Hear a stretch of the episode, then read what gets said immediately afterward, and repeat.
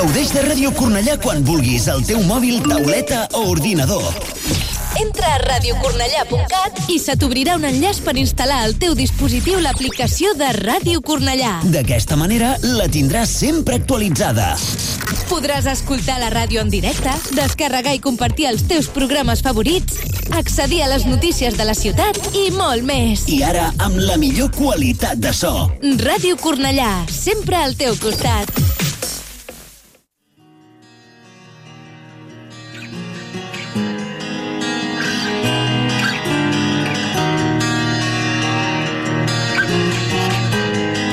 Radio Cornellá comienza el octavo día. Lo mejor del metal.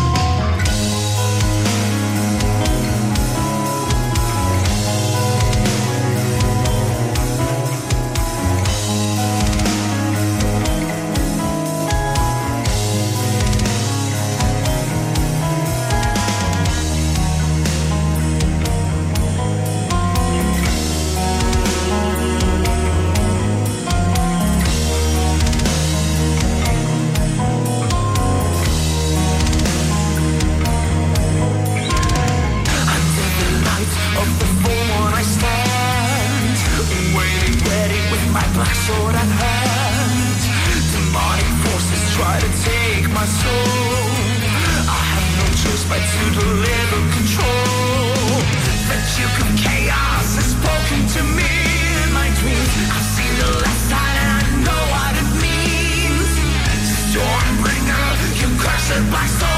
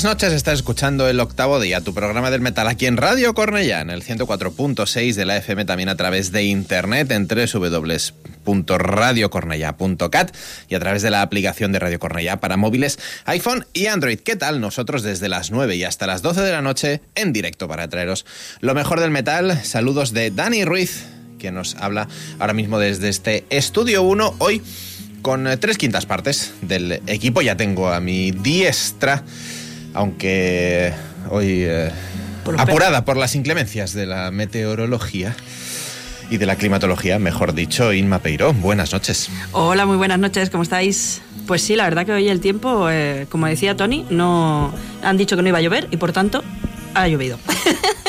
Más heavy que una tormenta de hachas. No ha sido una Ahí tormenta está. de hachas. Por suerte, si no vendría la mitad de mí. Exacto, bastante menos. Y a los mandos de la nave hoy, y además, empezando de forma tan épica que va a picar ahora mismo a Radio Cornella, la policía de la épica para detenernos a todos, Tony López, buenas noches.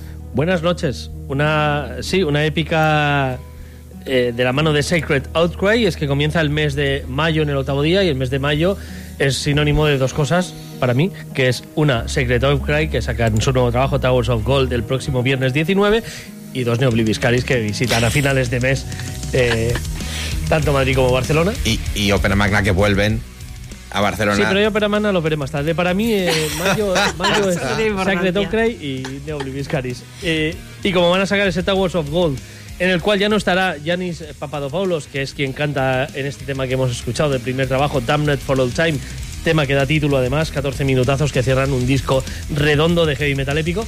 Ya no estará, como digo, Yanis, estará Daniel Heyman, vocalista de Los Horizon.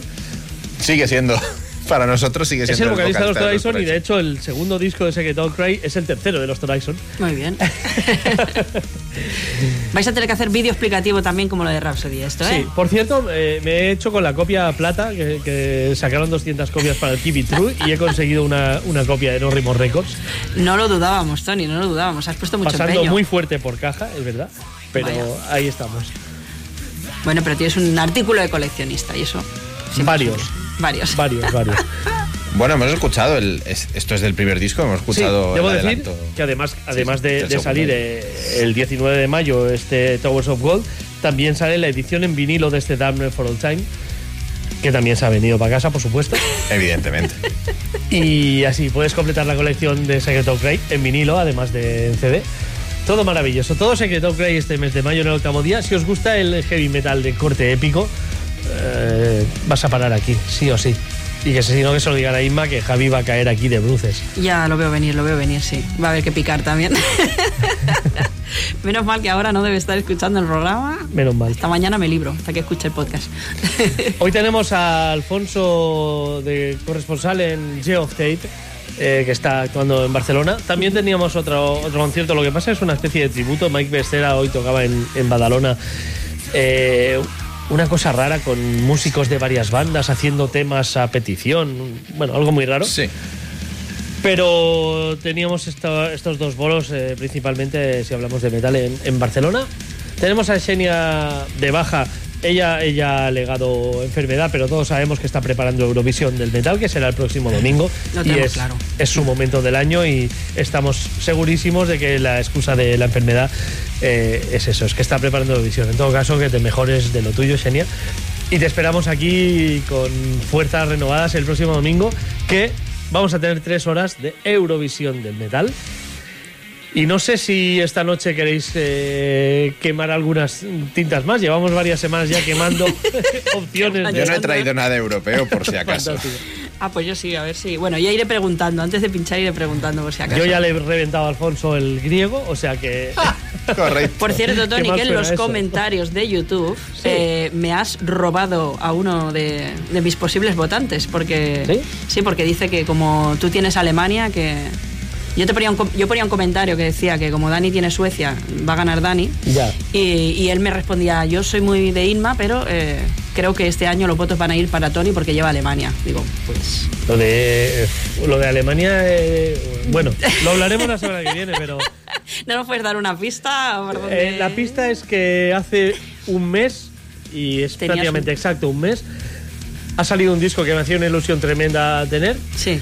Y que no os he puesto aquí todavía. ¡Olé! Esa es la pista. Esa es la pista. Bueno, bueno. Es un disco de abril de 2023, Oh, yeah. Lo tenemos ahí. de una banda muy desconocida y que hace muchísimos años que no sacaba nada, por lo tanto... mm, o sea, Nadie la- lo tendrá la- en el radar. Tú la vas a sorprendernos. Vale. Bueno, y a sorprenderos para mal, seguramente. Va. Tampoco es tan buen disco como para pegarse los años que se han pegado sin grabar. Pero bueno, me hace ilusión porque es una banda de esas que, que me gustaban mucho hace 20 años y que, y que de repente Venga.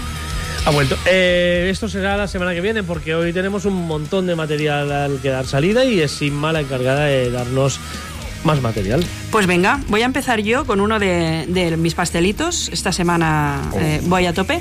Y es que eh, hay un proyecto de Robert Might, que algunos lo conoceréis por militar en Metalite y en Capita- Captain Blackbird, de los cuales ya habíamos hablado en el programa, sobre todo los segundos, de los primeros no. Pero justamente además sale el proyecto la, semana que viene, sale el disco, el segundo disco, y a- me ha dado por mirar los horarios del Rock Imperium este de Cartagena, maldito festival, y veo que justamente Metalite, que es la banda, una de las bandas donde milita este señor, Robert Might, eh, toca entre Chess Kane y The Night Flight Orquesta. ¿Por qué es importante esto? Yo nunca doy puntada sin hilo. Porque en este proyecto Nighthawk también hay gente de The Night Flight Orquesta. Oh, por Y me ha salido todo redondo, hombre. todo redondo. Eh, nada, pues eso, el proyecto es así, pues un, un jarrón melódico, divertido, con tintes de pasárselo bien y tal. Eh, y entonces, teniendo gente de Captain Blackbird y de Night Flight Orquesta, eh, vosotros preguntaréis, pero eh, ¿se diferencia mucho de estos dos proyectos? Pues estos dos proyectos ya hacen más o menos el mismo tipo de, música, ¿no? Pues este sería la vertiente más eh, rockera, pero no solo por la guitarra, sino por el toque del teclado. The Nightfly Orchestra usa unos teclados más AOR, más en el sentido eh, ochentero, popero, ¿no? Y esta gente usa sonido de teclado de Hammond, de, de- de Deep Purple, de Uriah Heep, ¿sabes? Eh, contundente. Entonces creo que era un- una, una buena banda para traer. El disco saldrá, como decía, la semana que viene. Se llama Prowler. Y os traigo, bueno, solo puedo pinchar los singles que hay porque no, no tengo autorización para más. Así que os traigo el single que ha salido que se llama Highest Score.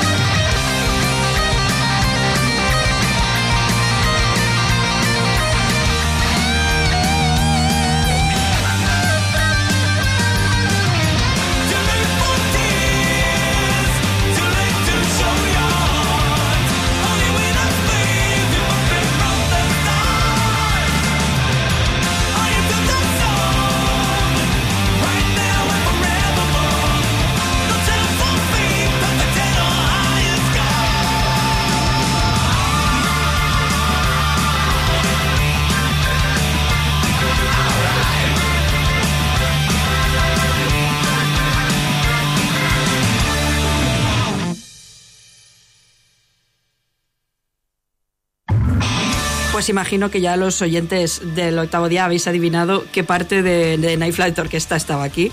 Efectivamente, eran las voces. Bjorn Street está por aquí. Y también tenemos a John Lon, Lonmir.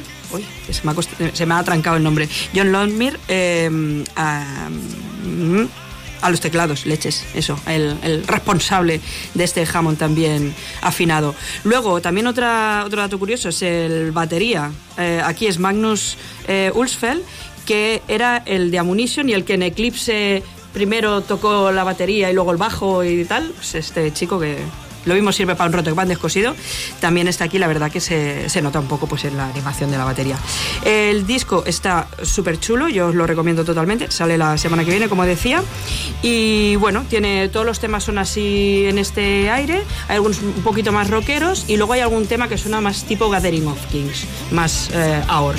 Pero bueno, se mueve más en este rango del, del jarro melódico más que en el, en el de Night Flight Orquesta o en el de Captain Blackbird. O sea que ya tenéis una propuestilla más para el mes de mayo. Yo voy a saltar directamente a una novedad de la semana pasada, hace un par de semanas, que no, no ha entrado todavía en el eh, octavo día. Y además es un disco del que estoy hablando con Inma. Hace bastante poquito me voy a, a Japón, a Tokio concretamente, para rescatar, como digo, la novedad de una de las bandas más veteranas del heavy metal japonés, como son Anthem, que regresan una vez más, tres años de silencio desde su Explosive eh, 2020. Crimson and Jet Black llegan este 2023 con esta propuesta que tienen Anthem de este heavy que puede ir desde lo más power metalero también, Inma, que decíamos eh, el otro día, quizá por lo que yo no me he aficionado nunca del todo a Anthem, eh, porque combina esas partes de power metal con esos, esos temas con ritmos más pesados, más... esa- que nadie se me enfade, más, más black sabatianos, por así decirlo, que ah, a mí me cortan un poco el rollo. El disco tampoco te acabo de entrar a ti. No, no del todo. Sí que es verdad que pierde un poquito de, de energía, lo que pasa que sí que es verdad que es muy contundente. Y entonces, Sí. pues a la gente que le gustara Anthem ya de antaño, yo creo que, vamos, no han cambiado un ápice. El que sea fan de Anthem, Sí, sí, yo creo Ah. que puede- entra. Anthem, Anthem es una banda que yo la comparo a Loudness porque son la banda japonesa menos japonesa. Exacto, sí. Por eso, por eso entran mejor al público europeo Sí, y sí. americano, porque el vocalista tampoco parece demasiado japonés y porque realmente podría ser de cualquier sitio. Tal cual. Sí, sí, sí, así es.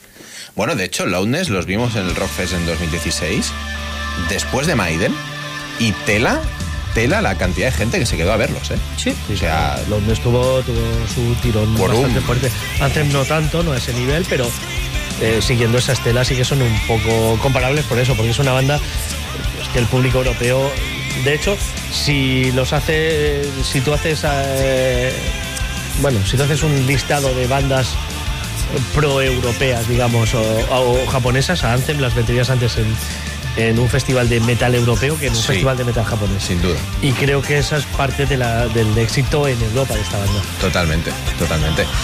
Pues así regresan eh, Anthem desde este Crimson and Jet Black. Dejamos con Howling Days.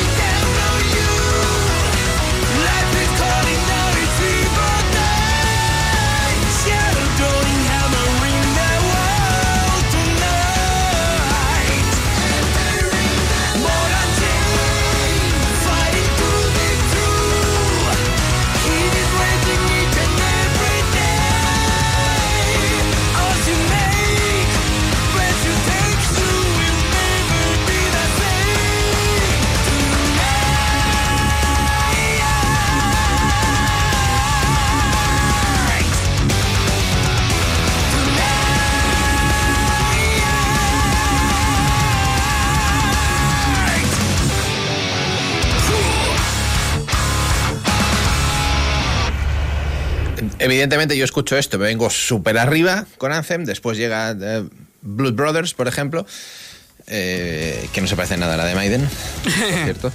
Y me vengo bastante más abajo. Para mí un disco algo irregular por una cuestión de gustos personales en nuestro grupo de Telegram, al que aprovechamos para decir que podéis acceder mediante enlace de invitación que encontraréis en nuestras redes sociales, Twitter, Facebook, YouTube, en iBox, en iTunes, etcétera, etcétera, etcétera. Eh, pues os decía Lester que es un discazo este de Anthem y probablemente para los fans de la banda lo sea. Yo nunca he podido conectar con, eh, con la banda como con otras japonesas, pero reconozco que desde luego hay temas muy, muy chulos como este.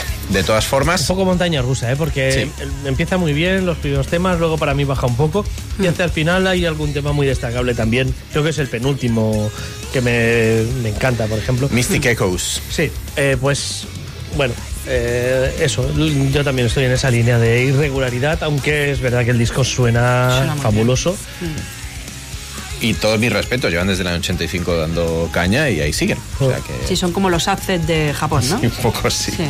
La verdad, un poco sí. Sí, pero Eh, bueno, Mira, hemos comentado esto en en programas anteriores, ¿no? De estos discos que tienen algunos temas realmente destacables, pero que no aguantan el tirón de inicio a fin. Pues Mm. este podría ser uno de ellos. En cualquier caso, échate una escucha que no es tiempo perdido, desde luego. Sin embargo, saltamos de Japón eh, a 12.000, a 10.000 jodidas millas, si me permitís parafrasear a Pulp Fiction, a- hacia aquí, Sí, y es que... eh, Europa me refiero, vaya. uno de los, de los eh, países que me ha eh, tocado suerte para la Eurovisión del metal es Noruega. Y hasta allí me voy a ir ahora para pisotearme una de las que podía ser una propuesta, pero no lo es por dos motivos. Autoboicot. El primer motivo lo explicaré el próximo domingo, de, de lo que yo pienso que debo hacer con Noruega en Eurovisión del metal. Ya podéis intuir por dónde van los tiros. Y el segundo motivo es que eh, iba a tener un total de cero points esta propuesta. Porque estamos hablando de una banda que no es eh, habitual. Es una banda, eh, hablo de Lumsk, que sacaba su, su último trabajo, su nuevo trabajo, el pasado viernes, día 5 de mayo. Freme de Torner, eh, o como se diga en noruego, no sé noruego, lo siento. Es una banda de Trondheim que eh, se cataloga como folk metal. Y diréis, Ah. si es folk metal, ¿qué haces tú trayendo esto? sí. Bueno, se cataloga como folk metal porque son noruegos y hacen lo que les da la gana y entonces todo va al saco del folk metal. Es cierto que tontean con instrumentos no típicos del metal y por ahí seguramente la vena más folk. Algún ritmillo en algún tema puedes encontrar, pero básicamente es una banda que juega con el post-rock, con algo de prog, como el tema que, que vamos a escuchar a continuación, incluso con el doom. Ya me extrañaba a mí. Incluso con el Doom. Bueno, y también con el folk. Es una banda amplísima y es un disco. Este nuevo Fremet de Toner también es una banda muy, muy veterana, más de 20 años a sus espaldas y con Wow. una trayectoria eh, encomiable, pero regresan con este, con este disco que a mí, francamente, se me ha hecho muy ameno. De las, de las novedades del pasado viernes, es, es seguramente el disco que más veces he escuchado. Dos. Eh, tampoco nos flipeos. eh, ha salido mucha cosa, cada viernes sale mucha cosa. Pero bueno, volver sobre él quiere decir que, que me ha provocado, pues eso, eh, sensaciones muy positivas. Como decíamos, ha cerrado el tema, se llama. es una guerra por las lindes, Underlinde. Creo que Inma ha buscado la traducción, no sé qué significa. Mucho más bucólico, es bajo el tilo. Bajo el tilo. Bajo pues el- Underlinde, bajo el tilo, es el tema que os eh, voy, con el que os voy a presentar este, este trabajo de Lums. Un tema amable, apacible y con su punto de prog y también de folk, ¿por qué no? Lums.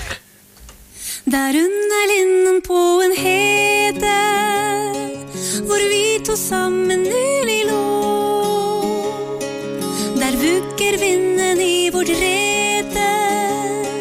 Av brutte blomster og av strå. Foran skogen i en dal Tandara deg Sang så skjønt en nattergal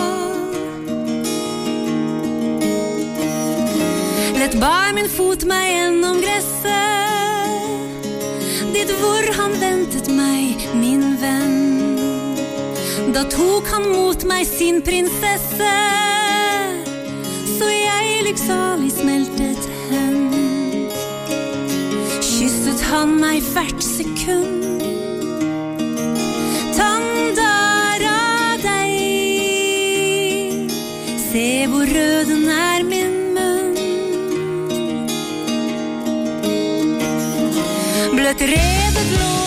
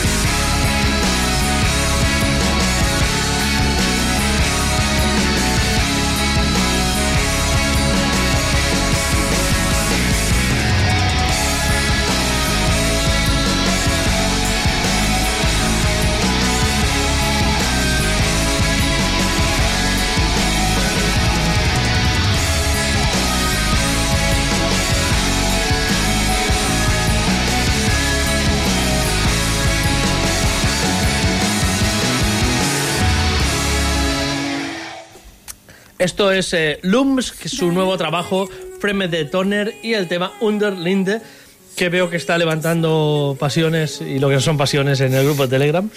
Comprar. Eh, a mí me ha gustado. A mí, para mí, a muy mí me bien. tienes. Muy bien, muy bien, muy bien, muy bien. Es una propuesta diferente, evidentemente yo soy consciente y por eso es- no los voy a tirar a los leones, que es el Eurovisión del metal, porque esto puede ser un trastazo importante.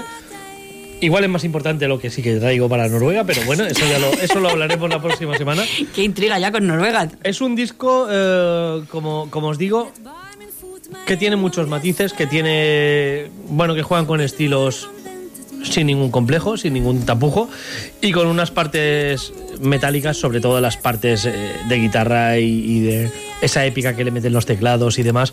A mí personalmente me atrapa bastante y sobre todo esos riffs progresivos que ya sabéis que son marca de la casa. Yo en cuanto escucho un bajo hacer lo que hace en esta canción me, me tiene, pero vamos, fijísimo. A mí me ha gustado mucho el nuevo trabajo de Lums y por eso os lo he presentado en el octavo día. Qué fantástico. A mí casi que me da vergüenza pinchar ya detrás de esto, ¿eh? Eh, pues yo no sé si lo hubiera descartado para el Eurovisión, porque como propuesta así eh, que rompa esquemas de la gente, también puedes llamar la atención con eso, ¿eh? Eh, Noruega va a romper eh, igualmente, o sea, por- no, por ahí no hay problema. No hay problema. Vale, vale. pues bueno, no, pero yo- por ejemplo, dime. escuchando la, la voz, por ejemplo, este es el típico disco que hace Aneke y la encumbramos al Olimpo porque es única, porque es la mejor y no ha hecho ha hecho cosas que no son muy diferentes de este tema concretamente. Sí que es verdad que el resto del disco pues es más variado y demás. Anneke ha hecho de todo también, pero estoy de acuerdo que Anneke es una diosa. Pero, por ejemplo, eh, la pones a cantar en este disco y, y no variaría mucho la cosa y, y, bueno, gente que se queja de, de lo que está escuchando, igual al ver a Anneke detrás del micro dice que es una obra maestra. Eso es algo que tampoco podemos controlar nunca, pero insisto, es un disco que se le podría dar una oportunidad, incluso dos. Es algo que últimamente, no voy a decir que me moleste, ¿no? Pero siempre han habido discos y sobre todo los mejores discos merecen más escuchas. Hoy día no tenemos ese tiempo. Sí. Hoy día el viernes salen 10 cosas, los, los pinchas en Spotify y a la primera no te ha dicho mucha cosa o a medio disco ya ves que no, no estás que igual estás haciendo mil cosas y esta, este- esta música, por ejemplo, Sí. pues igual no es para que estés respondiendo mails del trabajo mientras la escuchas. Claro. No lo sé. En todo caso, es un disco que se merece sus 3, 4, 5 escuchas antes de descartarlo y me temo que no tenemos o no queremos tener tiempo para eso hoy día. Culpable señoría, lo he dicho muchas veces aquí y en mi caso es así. Bueno, pues veremos. Yo mientras me hago un hueco en la agenda para escucharlo, os voy a traer otra propuesta, en este caso de aquí, una propuesta patria. Espero, Alfonso, no pinchar. Tiene pinta de, de folk también. Es folk, folk patrio, sí. Eh, eh, bueno, pues es una banda formada, bueno, la banda se llama Wolfhead y es una banda formada en 2008 por Josué Olmo, un guitarrista que había estado en Lux Divina y en Between the Frost, y que viene acompañado de gente que ya lleva muchos años en el metal underground. Eh, uno de ellos es personalmente una eh, un artista que a mí me ha gustado mucho siempre como ha cantado, un vocalista muy bueno, se llama Iván Arrieta, no sé, bueno, gente que lo conoce por su nombre normal, hay gente que lo conoce como Rasputin Don Priest, que es su alter ego que tiene. Em, y yo lo había conocido eh, haciendo en un grupo que hacía de versiones de Ozzy y el tío tenía una voz espectacular, ¿vale? Pues nada, él ha seguido cantando, ha, seguido con proyectos y ahora con este Wolfhead, la verdad que eh, es un, proyecto que vale mucho la pena eh, en el estilo en el que se mueven. Bueno, han tenido un poquito de cambio de formación, pero actualmente pues cuentan con Pep Caravante a la batería y David Saavedra al bajo. Y luego Albert Recolons a los teclados, que si el grupo que os he puesto antes, los teclados molaban, este no se queda atrás. Lo que pasa que eh, en este caso no le dan tanta importancia ni tanta presencia como en el, o en el anterior disco que he pinchado. Es un hard rock clásico, tiene potencia, pues rollo stoner, eh, tiene algo de heavy metal y veréis que tiene algunos guiños a la música de los 90, en algunos momentos recuerda un poquito Alice in Chains, tiene ahí como unos dejes. Así que de os voy a, a ver si os eh, abro el hambre con este grupo. Eh, os dejo con el tema de Wolfhead llamado Ritual Invocation.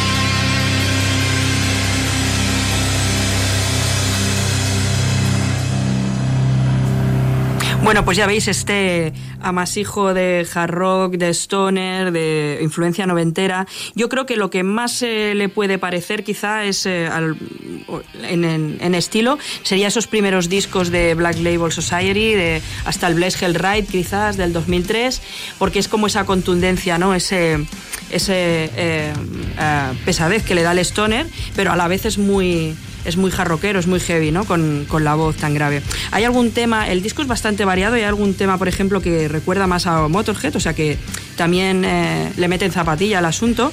Y luego hay un tema más, como más Doom, eh, como Reimtep, es que los nombres eh, estoy un poco pescado hoy, ¿eh?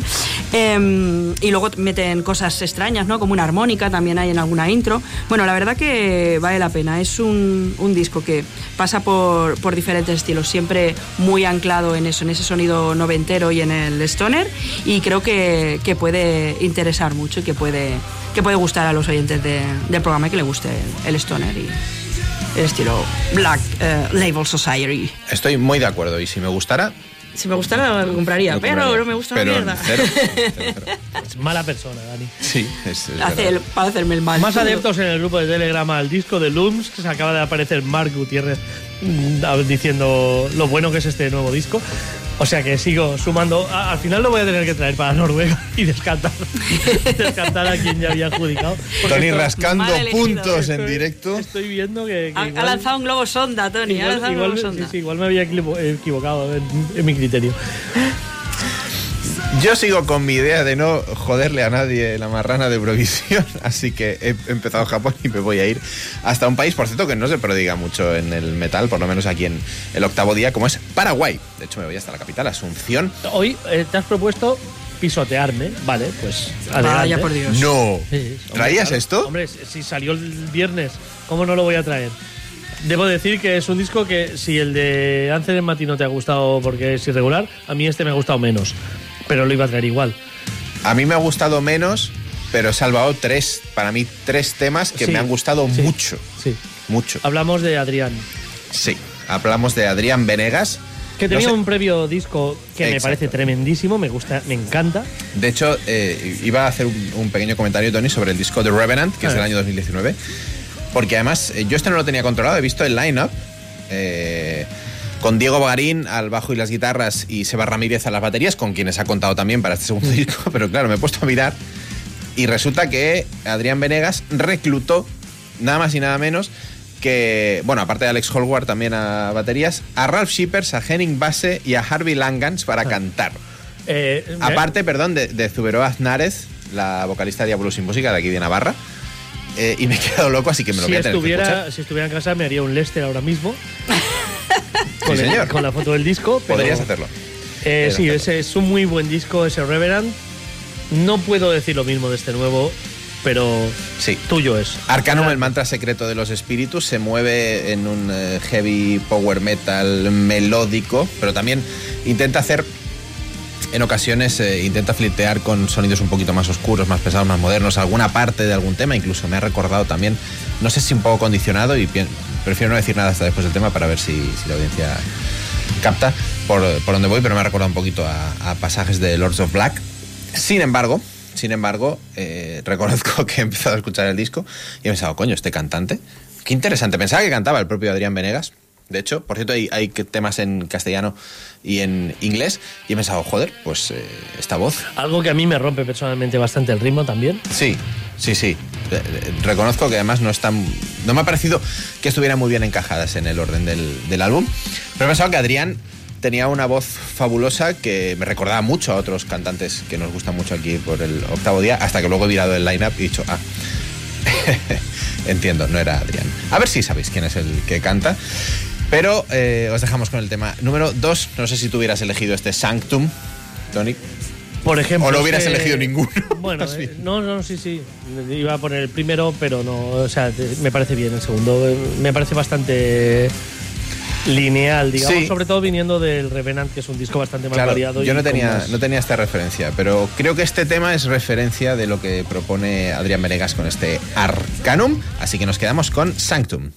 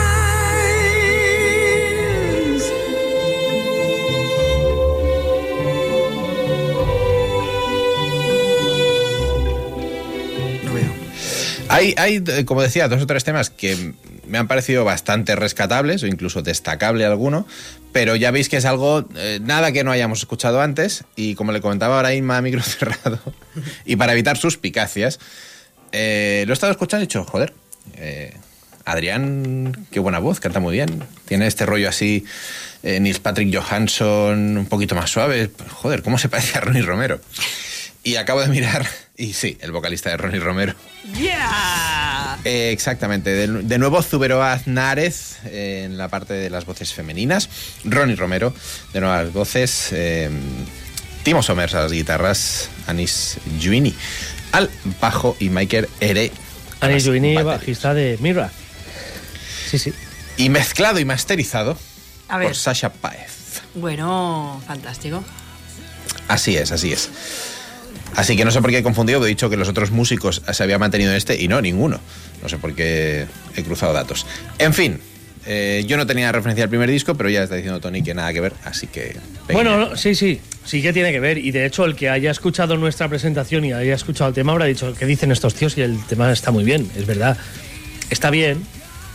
Eh, insisto, me gusta más el primer disco, pero está bien, está bien. Y además, Pero bueno, bueno, sí, a mí me corta el rollo bastante el disco. No, no es un disco que tenga una continuidad que... Pero bueno, si ya has escuchado el estilo, si te ha gustado este tema, pues eh, adéntrate porque Adrián Menegas eh, tiene el defecto que le encuentro yo a los discos de teclista, y es que es eso, es un teclista y muchas veces el, el teclado para mí coge demasiado protagonismo para un estilo donde me gusta que las guitarras sean más protagonistas que el teclado, pero bueno, eh, no hay más remedio. Si hablamos de un disco de un teclista, es así. Así es, así es. Eh, ya digo, es de estos discos que por desgracia, y, y que nadie se me enfade, he escuchado y almacenado, ¿no? Y no, no creo que le pegue muchas escuchas más, desgraciadamente. Pero bueno, eh, me he aventurado a decirle a Tony lo siguiente, son portugueses, y me ha dicho, no, No, no lo son, no lo son. lo eh, fueron. No, no, no. Antaño, tampoco- anta- bueno, Ni antaño- siquiera. Antaño lo fueron. Bueno, estamos hablando del regreso de Nocturnal. Nocturnal con dos L's al final. Eh, supongo que han querido hacer algún tipo de juego de palabras con nocturno y con Todo. No lo sé. Nocturnal es una banda que conocí hace bastantes años eh, con tres pilares fundamentales, como eran Aquiles Priester, el ex batería de Angra y de tantos sitios, con Leo Mancini, que es el guitarrista de Wizards, entre muchos otros eh, grupos, y con Tiago y con Tiago Bianchi. ¿Qué diréis? ¿Quién es Tiago Bianchi? Pues Tiago Bianchi, por ejemplo, es, es ese señor que cantaba en Shaman. eh, cuando marchó André Matos, Shaman fichó a Tiago Bianchi y tenía un tono tal que así. Es decir, es decir, eh, si tenéis cristalería de Bohemia cerca, no subáis el volumen de vuestra radio ahora porque Tiago Bianchi era, e- era este señor.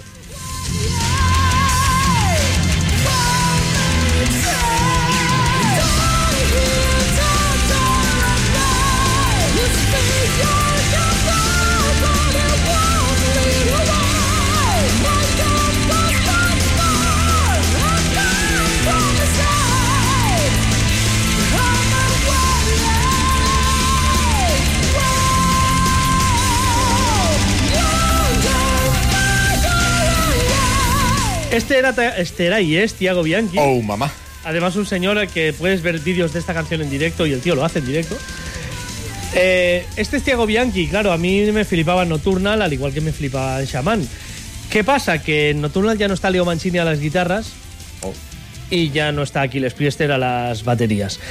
Eh, en las guitarras está Mike Orlando. Mike Orlando, conocido por ser guitarrista de Adrenaline Mob, que es aquel, eh, bueno, aquel proyecto que desgraciadamente tras un accidente en el cual murió el bajista pues se fue al traste con todo. Cantaba Russell Allen, Mike Pornoy era el batería. Era un metal groove bastante denso, bastante duro. Y Mike Orlando pues ha imprimido ese carácter a, no ya solo a Nocturnal, sino incluso Tiago Bianchi, eh, bueno, pues ha abandonado esos tonos eh, tan altos para adaptarlos más a, a este tipo de a este tipo de composición que le exige ahora la, la banda. Me- es un disco que no está mal si te gusta Mike Orlando, si te gustan Adrenaline Mob y ese tipo más groovy, esas guitarras. eh, bueno, pues eh, yo creo que este hombre afina directamente en res o cosas así, sí. porque es Mm. eh, afinaciones muy bajas. Y bueno, pues ha cambiado bastante lo que, lo que venía a ser Nocturnal de, de lo que son ahora. Como digo, el nuevo trabajo se llama Cosmic Redemption, aparecía también este pasado 5 de mayo. Y os voy a dejar con un tema. eh, os, os hubiera dejado con el tema que ellos escogieron como single, adelanto y que abre el disco, además, que es Try Harder. Pero acabo de decidir sobre la marcha que es mejor que escuchemos el séptimo, que se llama Scream for Me. Y lo digo cada vez con más, porque Scream lleva un signo de exclamación, For lleva dos y Me lleva tres Así es. que es el tema en el cual participa la batería, ni más ni menos que Mike Portnoy. Esto es lo nuevo de Nocturnal.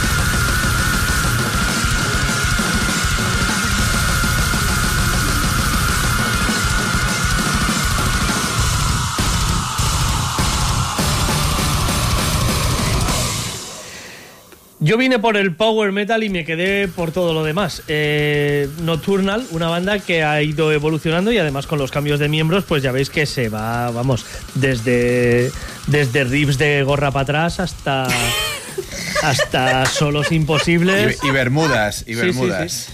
Eh, un disco que eh, originalmente salía en enero del 23, pero es esta cosa de los grupos brasileños que en enero sale la tirada en Brasil y que luego en Japón sale en marzo y que, bueno, total, que ha llegado ahora en mayo la edición europea eh, y la edición a nivel eh, global en Europa. No sé cómo funciona el tema de las plataformas, pero en plataformas eh, había algunas donde estaba antes y en otras ha estado ahora, este pasado viernes. En definitiva, sea como fuere, ya tenemos disponible ahora sí en todo el mundo este nuevo trabajo de Nocturnal, que es también el regreso de Mike Orlando, como digo, después del trágico suceso de Adrenaline Mop en, en la carretera. Y bueno, pues... eh, A mí me ¿cómo ha veis? convencido, aunque lo que comentábamos a micro cerrado, que quizá no tiene los agudos que tenía en otras propuestas musicales. A mí me gusta el agudo con sustain que hace aquí, pero claro, todo eh, es a gustos personales y es claro, es otro fan estilo de- totalmente distinto. El fan de Shaman o el antiguo fan Claro. de Nocturnal que vaya a escuchar esto... Vienes a buscar un helado de chocolate, te dan uno de fresa, pues bueno, está bueno, pero Sí. no es el de chocolate. No. ¿sabes? Correcto. Yo lo entiendo. Y además, bueno, pues si todos los temas tienen la batería como esta, No, fantástico. no, maravilloso. Porno y toca en este tema nada más. Algo tenía que fallar. Mike Porno y hace aquí su, su aparición estelar. Y bueno, pues eh, por eso hemos escuchado este tema, pero vamos, el disco va bastante en, este, en esta línea, o sea que, que si es de vuestro gusto es un disco muy recomendable. Nocturnal, otra propuesta más desde Brasil, que es una locura. Vaya país, de verdad, ¿eh? Tienen de sitio- todo, macho. Qué sí, sí. pasada musical. Pues a mí me gusta que hayas hecho este cambio de tercio musical porque yo traía un grupo, bueno, es un grupo que he traído varias semanas eh, porque quería hacerle la pelota a Senia para que me subiera un poquito los ceros del cheque, pero bueno, como o no me da tiempo a ponerlo porque no es mi primera propuesta o tal, pues digo, mira, hoy que estará escuchando el programa tranquilamente o se lo escuchará tranquilamente, lo voy a pinchar, se lo voy a dedicar a ella porque se lo merece, porque ya lo vale. Em, el grupo es de metal industrial, eh, no, me- no se me asusten. Eh, es un grupo de Nueva York, de la escena industrial de los 90. Y bueno, eh, el, el líder supremo de este grupo, la persona, la cabeza pensante y la persona que lo ha llevado adelante es Edsel Dope, y por eso el grupo se llama Dope, ¿vale? Fundador, vocalista, etcétera, etcétera. Entonces, este es el típico grupo que se ponían todos motes, nadie sabía quiénes eran ellos, ¿vale? Y, y bueno, han tenido una trayectoria. Ellos sí lo sabían, ¿no? Pues no tengo muy claro tampoco, porque las drogas hacen muy malas pasadas a veces y uno no sabe dónde se levanta ni dónde se acuesta. Eh, era una banda que ya anteriormente no solía sacar trabajos cada año, ¿vale? No era de estas de a producción a producción, eh, pero bueno, ha tenido como un hiato bastante importante, bueno, siempre va dejando como 5 o 6 años entre disco y disco, que no está mal la cosa. Y bueno, en 2016 sacaron un disco llamado Blood Money Part 1, que la, lo que es la fanbase, que estaba ahí como hambrientos, porque desde 2009 no habían sacado nada, estaban todos esperando y el disco pues resultó ser bastante decepcionante para, para los fans del grupo. Entonces esta gente que es muy cachonda han decidido sacar otro trabajo, ya os digo, desde 2016 a 2023, ojo que los tiempos pues siguen siendo los que a ellos les conviene. Eh, y entonces le han llamado Blood Money Part 0, ¿no? que es como vuelvo para atrás. La 1 no te ha gustado, vamos a la 0, vamos a ver si retomamos, cogemos impulso y salimos para Una adelante. precuela. Entonces, ¿por qué se lo dedico yo este grupo? ¿Por qué lo he traído para Senia? Porque eh, Edsel Dope, el que os decía que era el vocalista y miembro fundador de este grupo, anda troleando desde hace años diciendo que es eh, el misterioso vocalista de Static X, de las giras de Static X, Shero. Y entonces, claro, él va diciendo qué es esto. Luego al disco le llama Blood Money Part 0 y todo está ahí como con el marujeo del metal que le gusta a Senia, que espero que cuando escuche el programa eh, nos escriba en el chat de Telegram y me diga si realmente este señor es el chero de Static X o no. Así que os dejo con el tema de Dope llamado Dead World.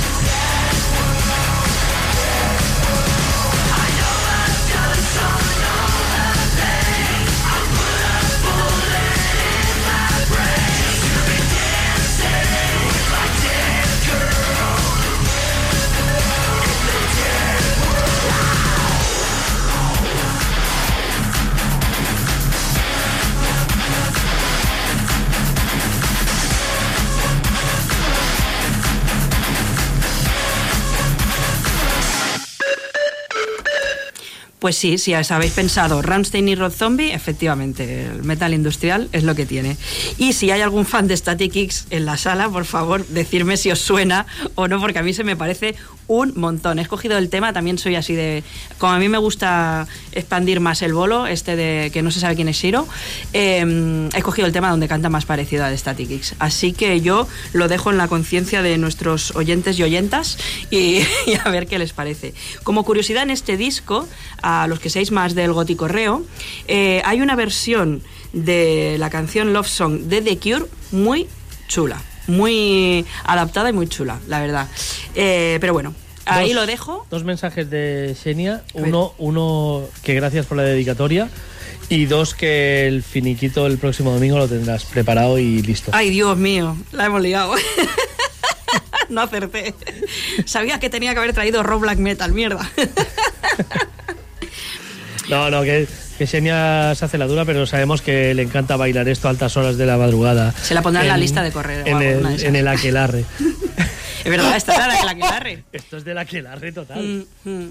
Lo que pasa que Senia no sé si llegó a. No sé si llegó, igual le pilló joven. Yo creo que justito, ¿eh? Sí, sí. Yo- Pero vamos, yo escucho esto y, me- y veo aquella nebulosa y aquella luz lila del aquelarre. Mm. Sí. Lo- estoy allí. Efectivamente, es verdad. Pocas veces dicho- entré, pero sonaba siempre esta canción. Sí, una variación. Como Vivaldi, una variación de esta canción. Fíjate que no echo de menos cuando se fumaba dentro de los locales. ¿eh? Mira, yo tampoco, Fíjate. es una cosa Joder. que. No, no, no. A veces voy a algún concierto y se pone la gente allí y digo, mmm, el stoner, qué malo es.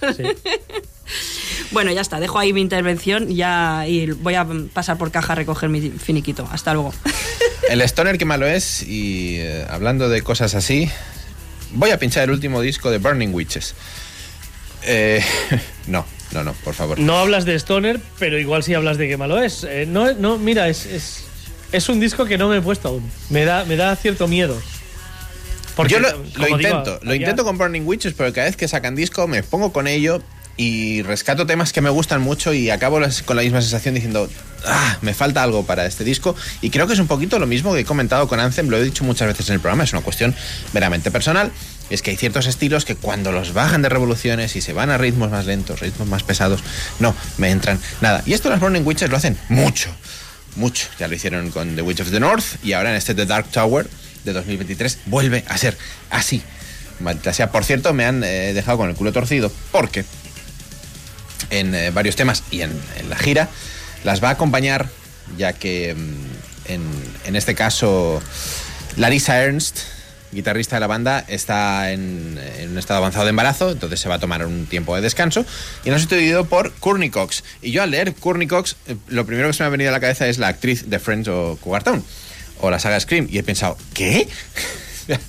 ¿Cómo no sabía yo esto? Efectivamente no hablamos de la misma Courtney Cox. Es la ex mujer de. ¿No? Ay, Dios. Ah, no, era Courtney Love aquella. Ahora. Vale. Festival del humor. Es igual, al final Burning Witches son Romana Kakul. Ya te y su entiendo, banda. que es que te has quedado en el aquelarre y ya en los 90. Sí, ¿no? sí.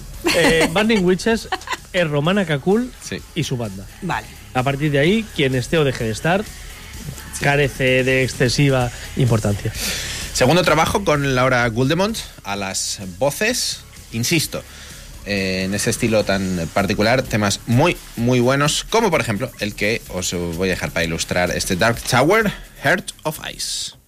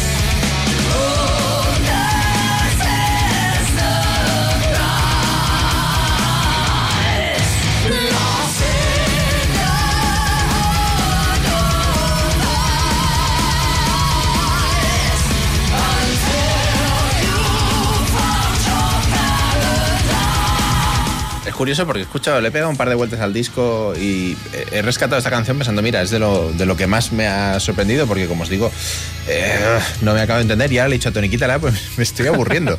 y es, es así. Quiero matizar porque me, me estaba señalando, Lester. No, no estoy comparando este disco con el de Anthem, ni mucho menos. Digo que en estructuras hacen dos cosas que son muy similares, que es tener temas muy potentes, muy rápidos, con mucho punch y luego jugar con sonidos más densos, con temas más lentos y ahí es donde para mí pinchan. Es cierto, y he hecho la broma antes de cosas malas y este disco, no quiero tampoco faltar a ningún fan de las Burning Witches, pero la verdad es que, bueno, el anterior me costó. Bueno, como lo he dicho antes, siempre me pongo con ella, siempre rescato algún tema, pero en general son discos también que acabo y archivo. Lo he vuelto a intentar con este de Dark Tower, pero es que no hay manera, lo sé. Yo no sé si es Laura la causa. A mí es una vocalista que no me transmite nada. Y, y No puede, sé. puede ser casualidad que esté ella en estos dos últimos discos, pero son dos discos que me dejan totalmente frío. Sí. Yo antes, antes de, de entrar Laura, las pude ver con Grave Digger de teloneros. O sea, habían llegado al estatus de que Grave Digger les teloneasen. Y ahora creo que, que sería complicado montar una gira donde ellas se encabezaran Mm. Sí. ante un La grupo así. Y habían llegado a ese estatus. Bueno, ahora además, como digo, con Courtney Cox, que por cierto es guitarrista de. para poner la guinda del pastel de Iron Maidens, quienes telonearon a Axel. Por suerte no fue al revés. Bueno, bueno. Déjate. Dale tiempo, ¿no? Cualquier día. En fin, si hay fans de Burning Witches que se pronuncien, eh, y este disco desgraciadamente ha sido cerrar, archivar y echar la llave. Pero bueno, vamos ahora con algo que nos gustaría no tener que decir. Sí, pero que eh, tenemos que decir. Vamos a dar un empujón y dar unos ánimos, todos los que tenemos y toda la fuerza del mundo, a, a la banda guadaña, a, a Salva y especialmente, sobre todo, evidentemente, a Glory, que, bueno, a la que le han diagnosticado una maldita enfermedad que nunca esperas que te diagnostiquen. Pero que sabiendo cómo es ella, sabiendo cómo son ellos, sabiendo la gente buena y luchadora que son, eh, lo van a sacar adelante y por ello vamos a hacer todos fuerza. Y vamos a escuchar a Guadaña porque son una bandaza, no solamente son buenos músicos y grandes compositores, sino que son grandísimas personas. Vamos con el tema que daba título a su último trabajo, esta maravilla llamada Eriteia Guadaña.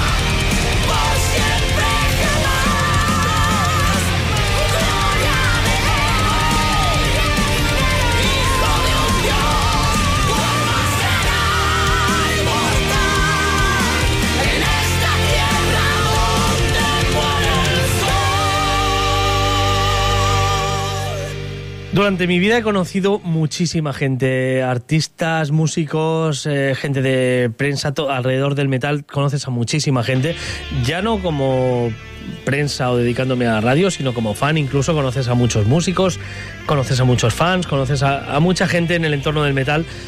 Y si debiera clasificar a la gente bien y a la gente mal, eh, o a la gente random que me he ido encontrando, sin duda alguna los Guadaña estarían en el de buena gente, en el de muy buena gente, y a la muy, muy buena gente como es Glory no le pueden pasar cosas malas, no le deberían pasar cosas malas, el mundo es putísimamente injusto. Pero, eh, como digo, eh, es una luchadora y vamos a luchar contigo, Gloria. O sea que estamos eh, contigo en esto, todos juntos y con Guadaña. Sin duda alguna, hay que volver más fuerte, Gloria. Así que un abrazo desde el octavo día y siempre contigo, sin duda alguna. Toda la fuerza para, para ella y para los suyos y que, Así es. y que siga adelante y nos siga dando caña cuando vuelva. Por supuesto, pues eh, dedicado, nada, este, vamos, eh, tenía la necesidad de, de lanzar este, este guante de apoyo a, a Glory, más que nada porque es una persona que se lo merece y salva y, y, como digo, todos los guadaña. Una vez esto, proseguimos. Inma, traes más música. Venga, eh, pensaba que ibas a hacer algún comentario No. de... Vale. Me lo ahorro. Em, bueno, pues el grupo que os traigo hoy es una banda de Northampton que, bueno, a pesar de que se habían juntado antes, no sacaron su primer disco hasta 2019 y la verdad que, bueno, eh, el disco que han sacado este año me ha, me ha gustado mucho. Es un- un- uno de esos discos que, bueno, no, no sabes muy bien cómo llega ni por qué, pero me, me ha gustado mucho el sonido, me ha gustado mucho las letras. ¿Han que- tocado en la coronación de Carlos III? Voy a chequearlo, voy a chequearlo porque siendo de Northampton igual, no sé, no sé, no tengo ni idea de dónde están los fanáticos de Carlos III situados en Inglaterra, no tengo ni idea. Pero bueno, eh, lo miraré. Me ahorro el chiste porque con Carlos III se pueden hacer tantos chistes porque es algún licor, ¿no? Esto. Es un brandy. Eh, Es un brandy. Es un brandy. Carlos III, es Carlos verdad. III, por eso. pues, eh, allí no sé dónde están sus seguidores, pero aquí estarán en el bar. En el bar seguramente. Tomándose un sol y sombra. Correcto. Bueno, pues la banda de la que os vengo a hablar eh, es, eh, bueno, está formada por Henry Stingholt y David Coles. Y bueno, tiene un sonido así mm, eh, No lo repitas, no. Ve- Vete a otro ejemplo. parecido a The Cult.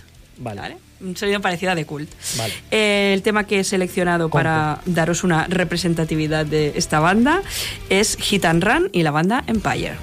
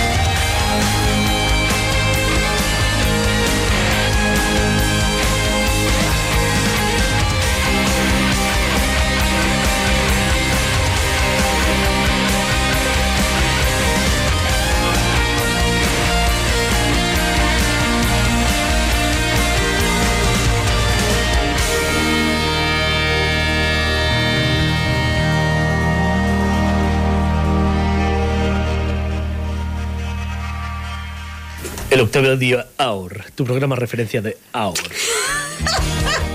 Ay, uy, perdón. He bostezado. No en tenéis directo. vergüenza. No tenéis vergüenza ni la conocéis. No somos muy del Hour, pero me ha gustado al final este, el solo final de guitarra. Muy chulo. Pues es muy guapo el disco. Ha sido, Yo- ha sido cinco segundos. Cinco segundos. Oye, pero está bien, ¿no? Eh, Sí, sí. Eso, bueno, sí, bueno. Cinco sí. segundos cojonudos siempre es preferible a que no haya nada cojonudo. Visto así, No, a mí me ha gustado mucho el disco, de verdad. Eh, sí que es verdad que las canciones no son excesivamente rápidas, pero... Bueno, Hit and Run te esperas otra cosa, igual. sí. Yo, n- ¿dónde- ¿El hit y el run dile- dónde claro, di- dime- llegan ahora? Dile prejuicio, ¿no? Pero que igual dices, programa de metal, vamos a poner una canción que se llama Hit and Run. Y dices, ¡buah! Cuidado. Va a ser trash Es zapatillero. el Don't Fear the Winter re- Revisited. Pues no. Pues no. Molaría si el tema se llamara, no sé, Sleep and Dream, Ah, por ejemplo. bueno, eh, es posible que haya algún tema que se llame así en el disco, no es el caso. Eh, pero bueno, está muy chulo. Eh, la voz, igual que en este tema en otros, puede ser que. eh, relacionando una cosa que ha dicho Tony, sí que puede ser que recuerden la cadencia de David Bowie en algunos momentos, es verdad, no lo había pensado, pero no, para nada es, es, eh, así con este sonido tan de guitarras un poco etéreas y, y la voz predominante y la verdad que es muy chulo y lo recomiendo muy mucho. La producción es netamente AOR, aunque el estilo no lo enclaves en esto, pero es producción Sí. total y absolutamente AOR. Es un estilo que no acostumbramos a pinchar mucho en Día y que, bueno, alguna perlita de vez en cuando no, no va mal. Me va gustando, ¿eh? según la voy escuchando la canción y según se va animando hacia el final, o sea que no la presenta ya Dani porque a la, tercera va a acabar me, me va a gustando. acabar gustando y no era la intención hoy. Pónganse en pie. Vamos Voy. al eh, Metal Samurai de esta semana, porque lo de Anthem es novedad, por tanto no cuenta. Y eh, os voy a, o eso espero, descubrir una banda que tiene solo un trabajo editado, aunque lleva ya unos añitos de trayectoria.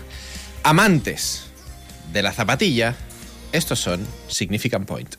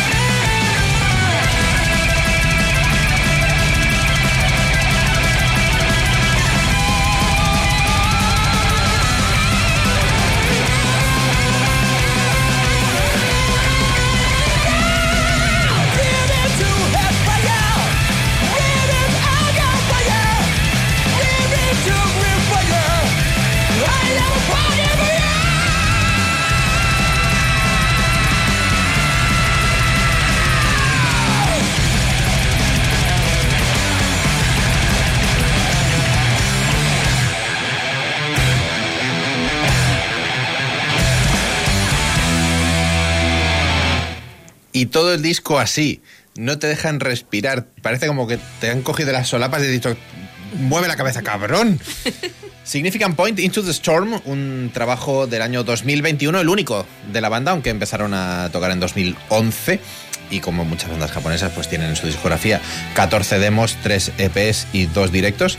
Pero primer trabajo discográfico, si os gusta este tipo de heavy speed, aquí eh, hemos pinchado, por ejemplo, a Hellhound, también japoneses, porque es una escena que es eh, amplia en Japón, sobre todo en Tokio, pues echarle un- una escucha a este Into the Storm, que es una maravilla, una gozada. A mí, en lo personal, me gustaría con un sonido un poquito más modernete y más actual y más limpio, pero si ellos han decidido que sea así, pues a sus pies. Claro, que suene antiguo así, que suene Sí, noventero a mí no me acaba de convencer, pero le, le queda bien al estilo.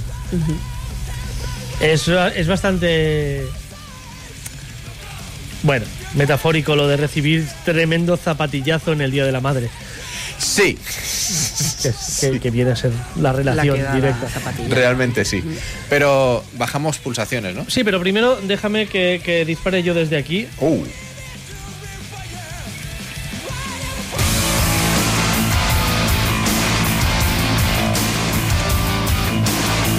Porque en estos momentos desfilan con una sonrisa de oreja a oreja los asistentes hoy al concierto de Geo State en Barcelona. Entre ellos nuestro compañero Alfonso y varios miembros del, chat de Telegram del octavo día. Y es que según las primeras impresiones, no hay Crónica Express, pero eh, según nos comenta Alfonso, ha sido espectacular lo de esta noche de Geo State en Barcelona. Y que menos que comentarlo. Hemos dicho al comienzo de la noche que hoy tocaba en Show of State y también eh, Mike Bestera en puntos distintos de la ciudad. Bueno, realmente Bestera tocaba en, en Badalona, pero eh, aún así yo vi a, a Geoff Tate teloneando a Angra haciendo Operation Mindcrime completo con su hija haciendo Sweet Sister Mary y demás. Me pareció que estaba bastante bien, pero no como para repetir. Y hoy que traía Mindcrime, Empire y temas así, pues parece ser que, a diferencia de lo que hizo en el Pounding en Madrid, en el Pounding la gente, las opiniones fueron que, bueno, está bien la curiosidad, pero no mata. Pues parece ser por, no sé si es por la euforia de, de lo reciente, pero Alfonso nos comenta eso, que ha sido un conciertazo el de Geoff Tate y nosotros que nos alegramos de ver que está en forma el señor Tate porque es una de las voces míticas del metal. desde luego.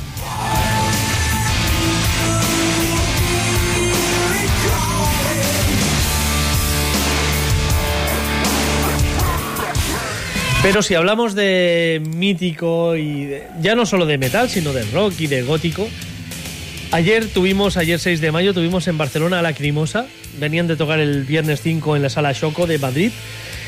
Y varias consideraciones. Eh, una banda que llevaba 10 años sin, sin tocar eh, por España. Eh, y que la verdad es que dentro de, el prejuicio que podías tener, porque es cierto que la pareja, tanto Anne como, como Tilo, viajan por un lado y la banda viaja por otro. No hay demasiado contacto. No te presenta la banda tampoco en el concierto. Joder, macho. Yo realmente todavía no sé cómo se llaman los, los señores que venían y que fueron altamente competentes, realmente. El guitarrista es magnífico. Lacrimosa hizo un concierto ayer en Barcelona de 2 horas 15 minutos mm, que a mí me dejaron, bueno, a mí, a, a todos los asistentes, Salamandra tenía una entrada cercana al sold out, muy buena entrada. Gente de todo tipo, además variopinta, gente, bueno, había heavies, porque había heavies, había góticos y góticas, porque los había también. Había un colectivo LGTBI bastante curioso, sí, sí. Y bueno, gente variopinta de, de- como digo, y todos, todos coincidimos en lo brutal que fue el concierto de ayer de Lacrimosa. Una banda que tiene una discografía impresionante, desde los 90 discos como el que suena ahora de fondo, Inferno o El Odia, hasta los discos de la primera década de los 2000, que es mi favorita, con Echoes, Liegestalt y Shoot, que me parecen tres obras de arte sublimes. Una banda que ha sabido mezclar la música clásica con el heavy metal, con el rock gótico y hacer de ello una, bueno, un mejunje que, que gusta tanto a unos como a otros, porque lo normal es que eso lo que haga es eh, restar y en cambio suma, como pudimos ver ayer entre el público, todos sumando eh, de uno y otro lado. Algo importante, eh, esto me lo aseguró Rubén, RRS Promo, Rubén de Pentagram, que es quien, quien organizaba el concierto, que llevaba años detrás de ellos, es muy fan de Lacrimosa, y me aseguró, juró y perjuró que no había una sola pista pregrabada. Lo cual hoy día es muy de agradecer. Sonido fantástico. En Salamandra, si llevas a tu técnico, el sonido normalmente es bueno porque el equipo es bueno y la sala suena muy bien. Sonido fantástico como digo, dos horas y cuarto de músicos tocando música, unas canciones tremendas, repasando desde sus inicios hasta, hasta sus últimos lanzamientos. Y una comunión bestial con el público y la presencia de Tilo Wolf en directo. Este tío es, es, es espectacular. Eh, os recomiendo que no os los perdáis si, si tenéis ocasión, porque Lacrimosa es un grupo que hay que ver, sobre todo ahora que ya suenan bien, porque mi recuerdo de Lacrimosa y por lo que básicamente fui a este concierto es porque quiero verlos sonando bien, porque habían tenido problemas de sonido eh, recurrentes y en este caso no, no, suenan fantásticos, la banda es eh, tremenda y simplemente grandiosa noche de rock y metal gótico o no, clásico. A mí me gusta llamarlo, bueno, no, es que ni siquiera así, es, es un metal gótico neoclásico, por ponerle alguna etiqueta. En definitiva es Lacrimosa. ¿Quién no conoce a Lacrimosa? Pues quien no lo conozca, eh, ya tardáis porque es calidad a raudales. Todo trágico, es absolutamente trágico todo el rato, absolutamente pasional y una gente que pone tanta pasión en lo que hace le tiene que ir bien, sobre todo si son unos genios como lo son Anne y sobre todo, como digo, Tilo Wolf, que te enamora, es un tío que te enamora, su presencia, su interpretación y todo. Lacrimosa ayer en Barcelona, magníficos, maravillosos y este, eh, uno de los temas que, que sonaron, de hecho empiezan con la lacrimosa theme de, de este disco de Inferno y Chacal uno de los temas que sonaron. El último, además, que normalmente es Durnahan Flood de, de, de Echoes. Eh, en este caso no fue el último porque Rubén mismo, el promotor, les dijo cómo no habéis tocado Copycat, que es el tema que, que cierra este, este infierno. Cómo lo habéis tocado en Madrid y en Barcelona, dedicado a Rubén, sí que lo tocaron. Aquí nos Vaya. quedamos con, con este Chacal, que también sonó desde este infierno. Lacrimosa, recomendadísimo, es una banda que en directo hay que ver sí o sí. Yeah.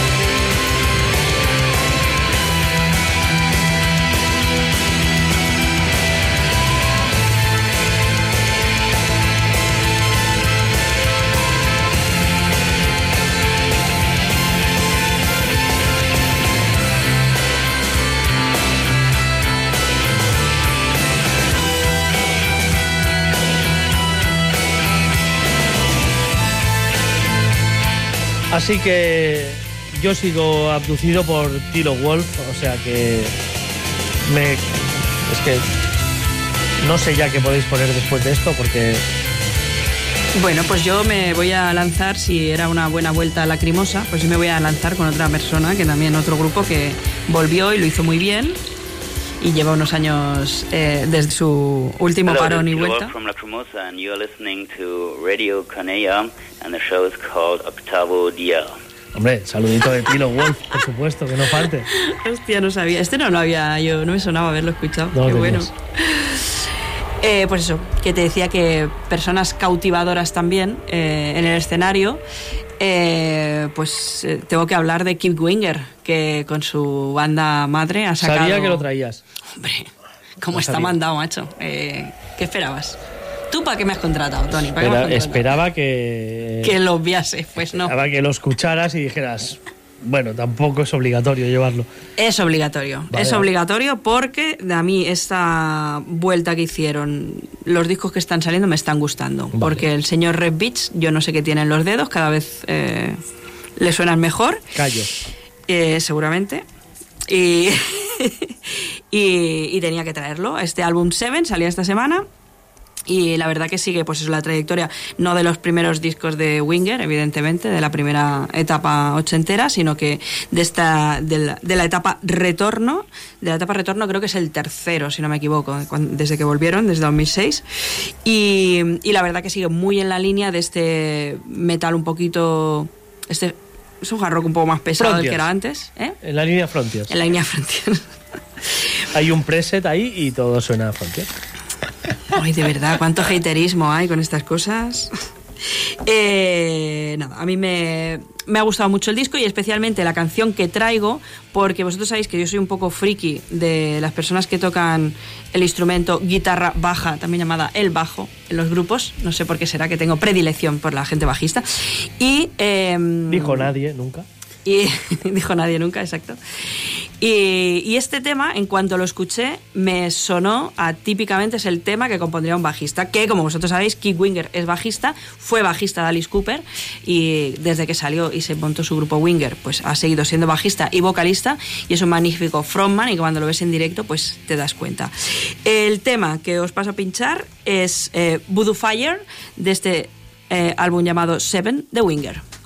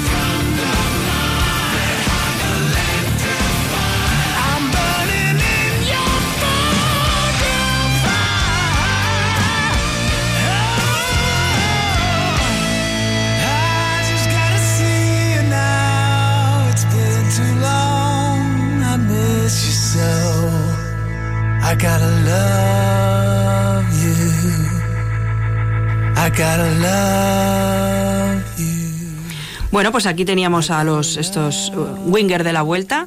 Eh, el cambio de sonido no se no tiene que ver para nada con el cambio de formación, porque llevan siendo los mismos desde que se conocieron.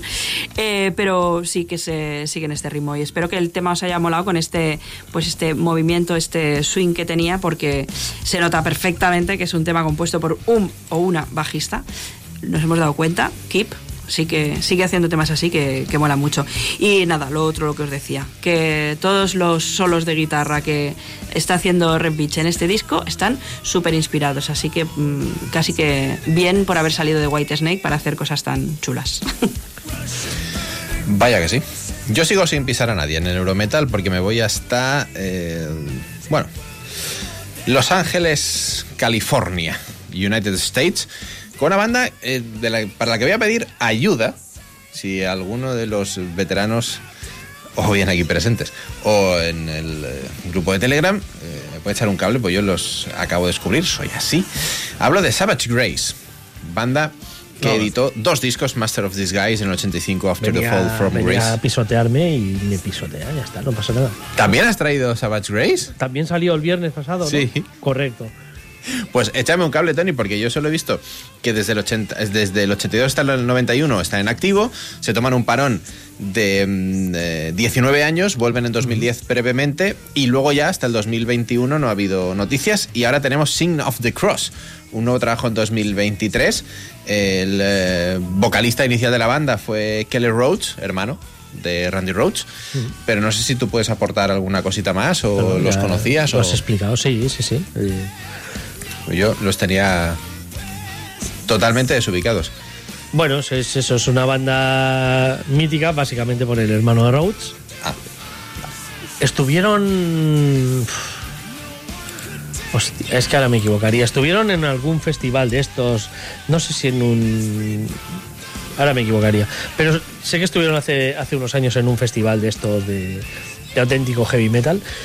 Y de ahí es donde, de donde me comenzaron a sonar y bueno, lo cogí con bastantes ganas este, este disco porque la verdad es que prometía ser un pelotazo de, de classic heavy metal. Y no.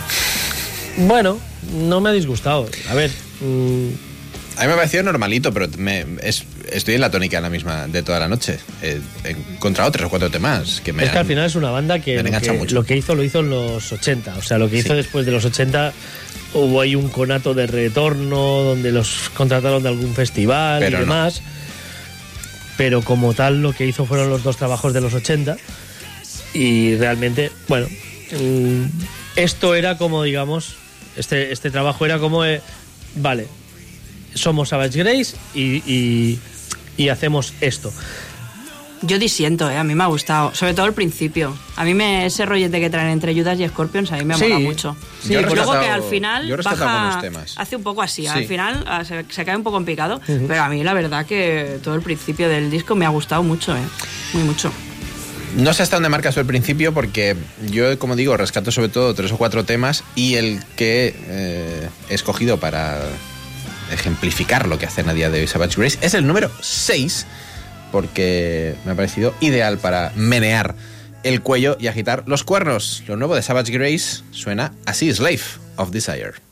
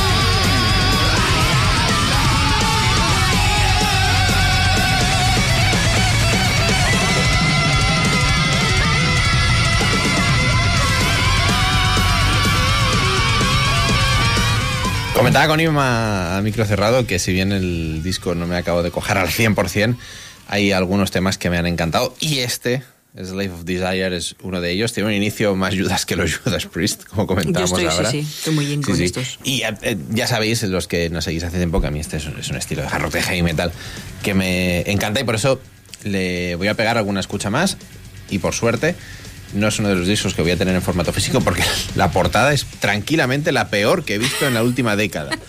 Es terrible, os invito a que, aunque, aunque os importe una mierda el heavy metal, que por favor vayáis a buscar la portada de Savage Grace de este Sign of the Cross, porque alucinaréis lo que un niño de cuatro años puede hacer con el Photoshop.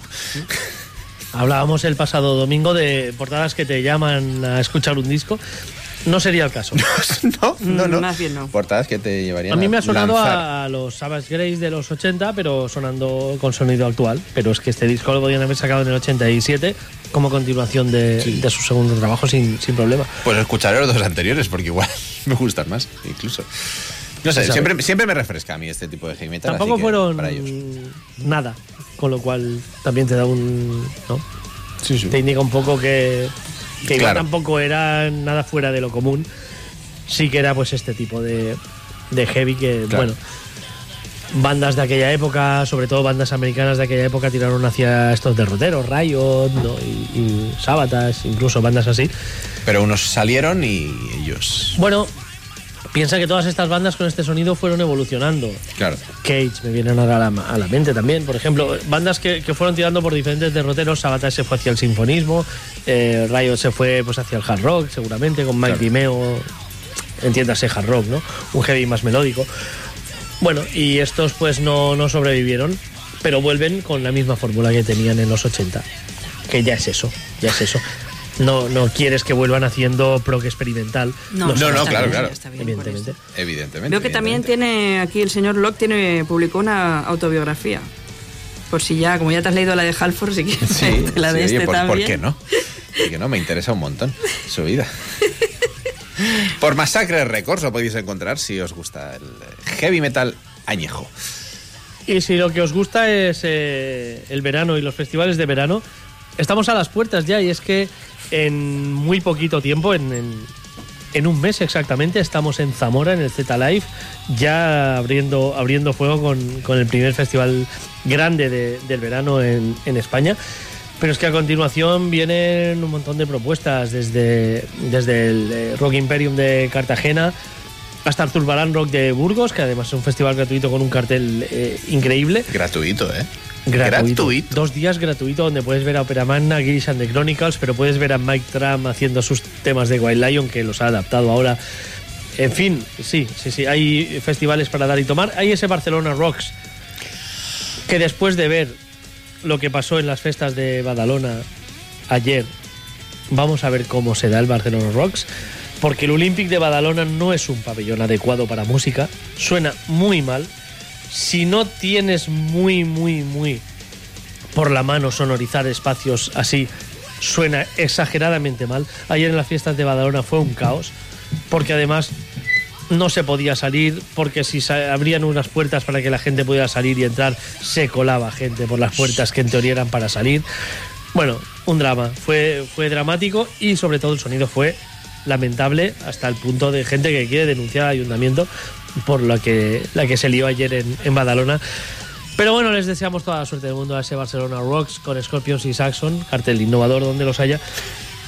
Además de Angelus Apatida, Rose the Boss, eh, Eclipse, ¿no? Inma y Hit, puede ser, sí.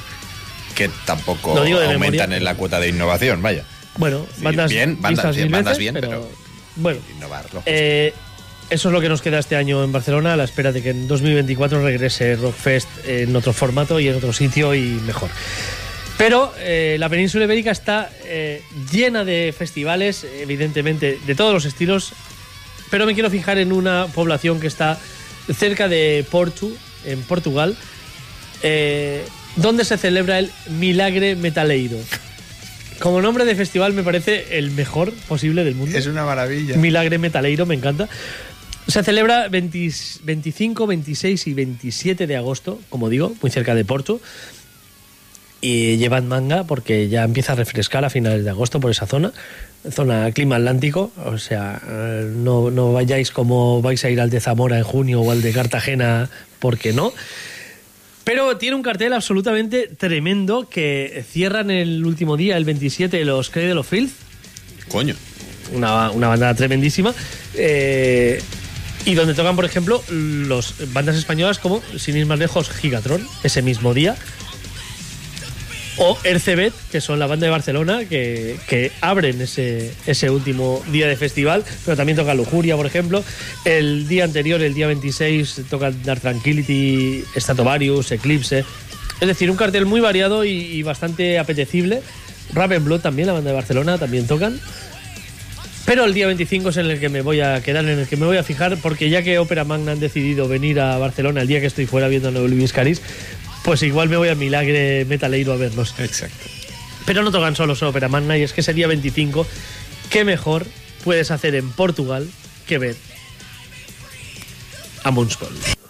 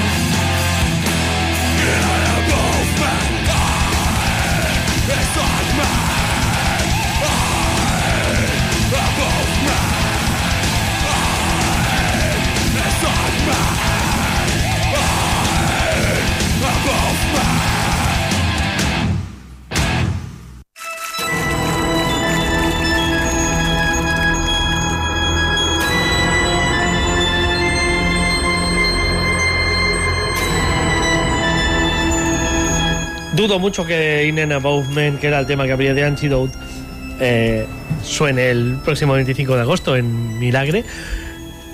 Pero bien, vete a saber. ¿por qué Oye, nunca se sabe. Nunca se sabe. Si vas, igual lo puedes ver. Si no vas, no lo ves seguro. Pero si vas, igual. Tengo mucha curiosidad por ver a Moonsper en su tierra, porque es una banda que sí es profeta en su tierra.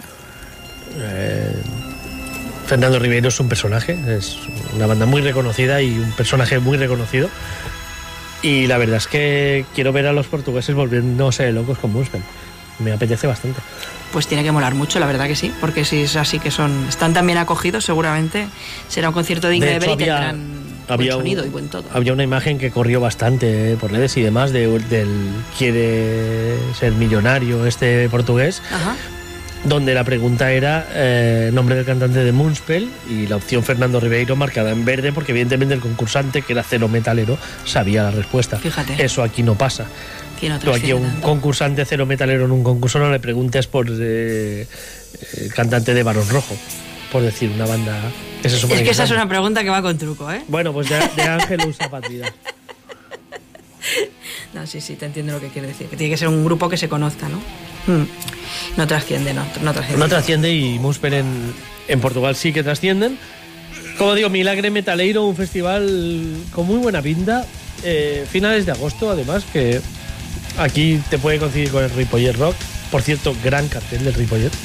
El único año en mi vida que me voy de vacaciones a finales de agosto Me ha pasado idéntico. y me hacen un cartel para mí Me ha en pasado el igual. Ripollet. Para mí. Stratovarius será el cabeza de cartel. Cobra Spell. Cobra Spell con no Chris. Vega Con las Chris Vega. voces. Y hubo, hubo otra banda que me dolió mucho. Del alma, con Ramón Laje. No, las, hay cuatro bandas confirmadas, ¿puede ser? Ah, Pero pues bien. del alma era la que no. Pero las otras Ah, tres, vaya. dije, coño. Stratovarius del alma. A ver, espera, que estoy aquí en la página. Dry River. Exacto, Dry Exacto, River. Dry River. Joder. Que menos mal, menos mal que los hemos visto hace poco. Pues si no me hubiera dado un parraque. En fin. Fue verdad, ¿eh? Tremendas cuatro bandas, sí, sí. Vaya tela. Bueno, pues yo cambio de tercio y de la... Bueno, que si me pillan Portugal viendo a Moonspell, igual la pena es menos.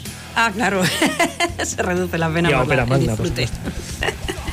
claro, cambiarás Dry River por Ópera Magna, bueno, según cómo. Son dos, dos bandas que dentro de tener muy poca relación en teoría, para mí tienen muchísima relación. Y es que creo que a River lo he visto dos veces con José de Ópera Magna, como público, quiero decir. Ah, vale, vale. Y, y además a Ópera Magna y a River los he visto en el Festival de Cubellas en años diferentes, Cierto. separados un año de otro. Bueno, son bandas bastante paralelas cuando no, no parece que, que tengan tanto que ver, ¿no? Fíjate, pues sí, sí. Qué coincidencia. River tocan en Zamora, Ópera Magna tocan en Burgos. Bueno, eh, Y, to- y Ópera Magna tocaron en Zamora también hace un año o dos, ¿no? eh, sí, bueno. En fin. Chan, chan, chan, van No, cambiando. a- Ópera Magna, esta gira la monta Z Live, de hecho. Sí, esta que no es está de cierto, es cierto, es cierto. La monta Z Live, que ya los podían llevar a Z Live si montan la gira. Joder. A lo mejor es Uy, el... perdón. No, el no, año es que que, viene. no, es que ya estaba cerrado el cartel. cerrado. Sí, el año que viene, seguro. 100%. Venga, pues yo me, me voy de viaje a Finlandia ahora. Espero no, no he pisado, ¿no? No he pisado nada. No he pisado terreno, vale. Eh, bueno, bueno, bueno. Ojo, Alfonso está ahí. Ah, no, No, es Finlandia, Dani. Dani. Ah, vale, Por vale. eso le he preguntado si le pisaba terreno. Nah. No. Bueno, pues vengo con una banda que saca su quinto álbum. Eh, Yo me imaginaba que siendo el quinto no lo ibas a traer porque Descartado vamos siempre totalmente. con Conociendo a grupos Dani, ha noveles. cogido a Heavisaurus. Heavisaurus. Este es- que le moló mucho, sí, cuando lo pusieron en el chat. es- estaba en mi lista, pero. Se han caído en la última ronda, ¿no? Estos? Sí, sí. Eh, bueno, pues quinto álbum. Eh, la banda empezó llamándose Dead End, ahora se llama Dead End Finland. Mm, No sé qué debió suceder ahí en el medio, pero bueno, la cuestión es que salió el 31 de marzo su quinto álbum Victory. Igual que no sea que Dead End lo deben haber cogido 74 250.000 bandas. millones de bandas, Además de una peli malísima donde todo el rato vuelve a pasar lo mismo, Mm. eh, insoportable. Y, y, o sea, no te ¿Podemos llames mirar como, en Metal Archives cuántas bandas se llaman Dead End? no te llames como todas las bandas del mundo. Hay una en Francia, en Alemania, en Japón, en eh, Holanda o Países Bajos. En Suecia no hay una, sino que hay dos. Venga. En Suiza hay otra, en Estados Unidos hay otra. Y que se llamen Dead End y algo más, las que queráis. Madre. De hecho, hay otra en Australia llamada Dead End, pero todo junto. A ver, es para variar un poco que no se confunda. Dead End Society, Dead End Circle, Dead End Finland, Dead End Future, Dead End Irony, Dead End Kings, Dead End Path, Rising, Solution, Thoughts, Track, etc, etc. No las voy a leer todas, pero vaya, que os hagáis una Será idea. por nombres. Pues bueno, igualmente a esta gente les gustaba mucho su nombre porque en, la- en las portadas siguen poniendo Dead End en grande y luego en pequeño Dead End Finland. Sí, claro, como Insania Estocolm. Exacto. Ay, Dios mío. Bueno, pues nada, la banda que ha presentado un nuevo disco y a mí me ha gustado mucho. Eh, en, los, en las páginas Metal Archives y compañía lo tildan de un estilo de música que a Tony le gusta mucho que yo diga, que es el death melódico. Pero bueno, ya sabéis mis gustos. es de death- death melódico, si bueno, no sé hasta death, dónde va. no es melódico. Exacto, ahí, bien Tenéis dicho. que grabar esto Hay que y grabarlo. irlo lanzando cada vez que pongáis Death Melódico. Correcto. Deberíamos, deberíamos. Eh, bueno, eh, las malas lenguas, que yo no acabo de coincidir, pero bueno, eh, como gente muy reputada lo ha dicho, le voy a dar un, un punto de, creencia. Eh, dicen que han perdido en este disco un punto de experimentación, ¿vale? Que solía ser una banda que experimentaba y mezclaba muchos sonidos y que en este disco pues se han mantenido más en el Sota Caballo y Rey. A mí verdaderamente que soy debo ser una persona simple y sencilla, pues me ha gustado el Sota Caballo y Rey y me ha gustado mucho todo el álbum. Así que os he traído eh, un tema de, este álbum que Uh, bueno, creo que suena un poquito. tiene algún toque de Amorphis y también me ha recordado en algún momento a una banda que os había pinchado de aquí que se llamaban Eleven, pues también me ha recordado un poquillo ese sonido. Así que os dejo con el tema eh, Heavy Rain de Dead End Finland.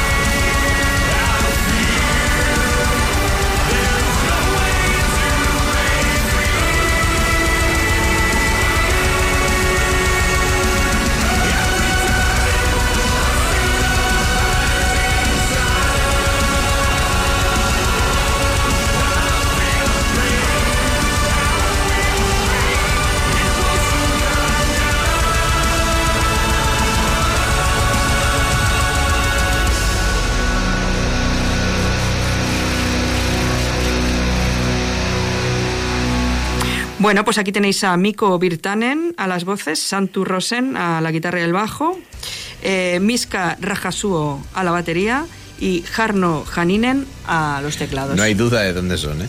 Eh, D'aquí al lado, de, Ninguna duda. Con De- esos nombres, madre mía. de Sant Joan d'Espí, del mateix Sant Joan d'Espí. Podrían haber eh, criado renos en una granja, pero se han dedicado a hacer música. Muy re- o sea, os recomiendo Heavy Trip. Recomienda- Fortísimo. La peli. Ah, vale. Pues nada, aquí os dejaba esta propuesta más melódica, sí que tiene algunas voces guturales, pero bueno, yo no sé si... no sé hasta me- dónde llega la etiqueta Me, del me indigna aún más que, que cojan un nombre de mierda que tienen ya otras 80 bandas porque son buenos. Porque si al final tu banda es una mierda, pues bueno, métela ahí entre un montón que igual alguno lo engañas. Pero si eres bueno, esta discusión la tenía hace poco con Invain, una banda española que, que son muy buenos, pero que se llaman In Puto Vain. Claro, ¿Cuántas bandas hay que se llaman Invain? 200.000, sí. Sí. especialmente una, Noruega, que me flipa absolutamente y con la que no pienso mezclar CDs de otra banda en la estantería porque no. O sea, lo- los de Invain son de. Invain. Mm. Pues eh, con The Ten pasa lo mismo, por favor, un poco más de imaginación. Aunque sean nombres absurdos como Giraffes, Giraffes o Claro, giraffes, giraffes. Giraffes, Giraffes. es Nombre absurdo, pero irrepetible. eh, completamente. Thank you, Scientist. ¿Quién se llama así? Pues Thank you, Scientist. Y ya está. Pues sí, oye, Qué se lo banda. transmitiré de tu parte. Oye, mira, esta noche me voy a pinchar las Thank You Scientist, que hace tiempo que no los escucho y son brutales. Vaya tela. Así Inés. Bueno, ya sabéis que muchas veces eh, grandes bandas del metal, sobre todo del heavy metal, y es verdad que ahora en la actualidad algo menos, pero antes sí, eh, nacían y, destacaban en, su arte precisamente por haber eh, nacido y crecido en ambientes deprimidos, en ambientes eh, difíciles, y eso hace florecer de vez en cuando el carácter, ¿no? Y ha dado, por ejemplo, pues, gran, grandísima generación de músicos de Birmingham, etcétera, en los años 60 y 70. Y no es el caso de la banda que voy a traer, que por lo que he visto son de una localidad de puta madre del estado de Nueva York, un sitio que podría ser como Valdoreix, aquí en Cataluña, gente adinerada y pijina. Así que desconozco si habrán tenido muchas dificultades en la vida, pero me aventuro a decir que no tantas. Severed Angel, banda estadounidense que debuta con eh, este trabajo self-titled por eh, un eh, heavy metal melódico y aunque mm, lamento decir que estoy en la misma tónica de toda la noche porque es un disco que he escuchado un par de veces del que rescato algún tema pero que no me ha acabado de convencer, es novedad creo que es importante traerlo y rescatar pues uno de esos temas que me ha hecho levantar un poco las orejillas. Severed Angel, así suena su debut. El tema es Dogs of War.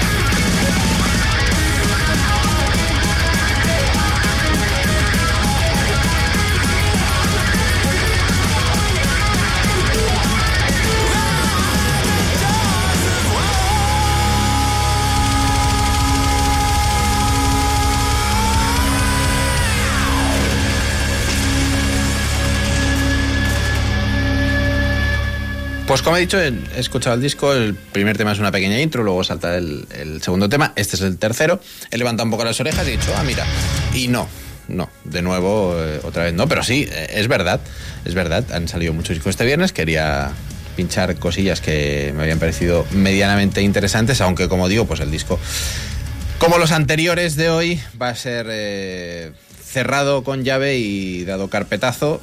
Así no vendes, Dani. No, eso es cierto. Estoy preparando el terreno, no os preocupéis. Pero eh, así como yo lo voy a cerrar con llave y darle carpetazo, Tony le ha pegado fuego a este trabajo de Angel No, supongo que está bien. Lo que pasa que a mí me lo pasó un. Era amigo hasta entonces, diciéndome, tío, a ti que te mola el pro que escucha esto. Pero es que no lo entiendo. No ¿eh? encontré el pro por ningún sitio. Creo que Yo estoy viendo aquí en Evox un programa que se llama The Prog Metal Show, no sé si lo conoces, pero tienen un, un especial Severate Angel. Igual es que los discos anteriores eran prog y en No- este no se ha tirado el no metalcore discos descaradamente. anteriores. Pues no lo entiendo. Debe haber otro Severate Angel. Debe bueno, igual es otro Severate Angel. Igual es otro Sí, Angel. sí, puede ser. Y Bueno. dile a tu amigo que mire a ver cuál de los dos Severate Angel te quería Igual sí que te ha pasado unos Severate Angel. ¿Eran estos? Sí. No, Severate Angel, primer trabajo, Severate Angel 2023. Voy a buscar, ahora me habéis hecho. Bueno, ahora no es No, hora de está, buscar no porque estamos nada. llegando al final y además nos tengo No, que no, poner yo voy a cosas buscar, pero- importantes. Por Severate Angel solo salen estos, que quede constancia. No voy a pisar a nadie porque esta banda está on hold desde hace bastantes años, demasiados para mi gusto, y solo rompieron eh, esa- ese estado para entregarnos un discazo bestial que salió de la nada en 2017 y volver a desaparecer.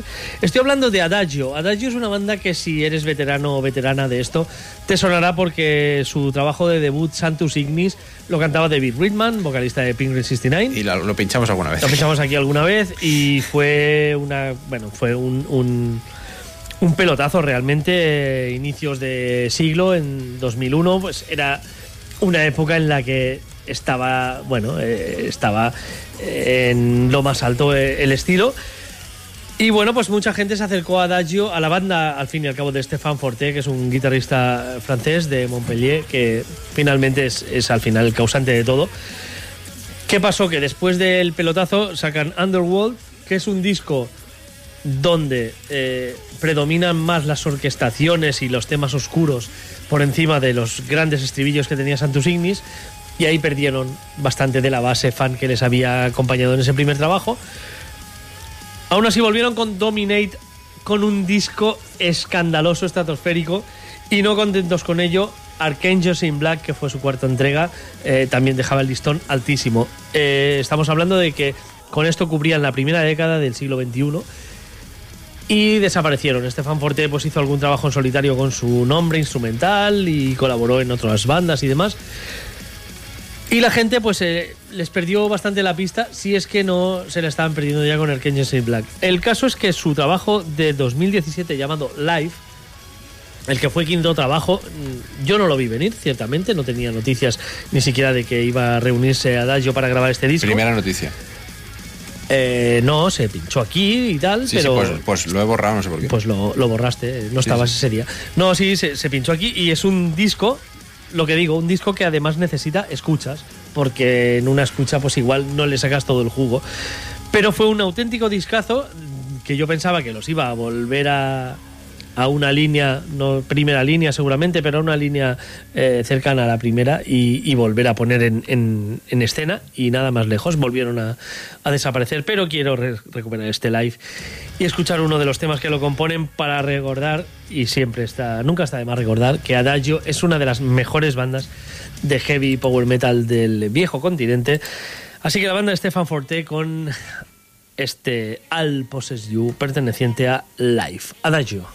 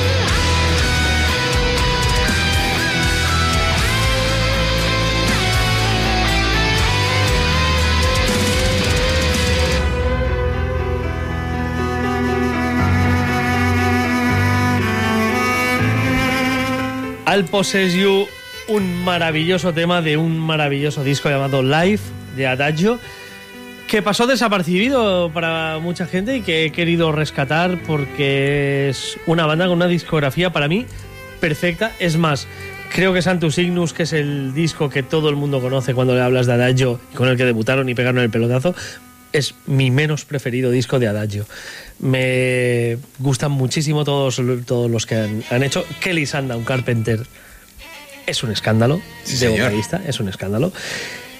Y bueno, pues tienen ese, ese, punto de dramatismo, ese punto de sinfonismo de, elementos de música clásica junto a elementos de metal que personalmente me, me fascina. Y desde 2017 no, tenemos noticias de Adagio, pero señor Forte, esperamos, Por favor. esperamos que, que vuelva a las andadas porque todo lo que toca este hombre a mí personalmente me encanta y me, me parecía de, de recibo rescatarlo.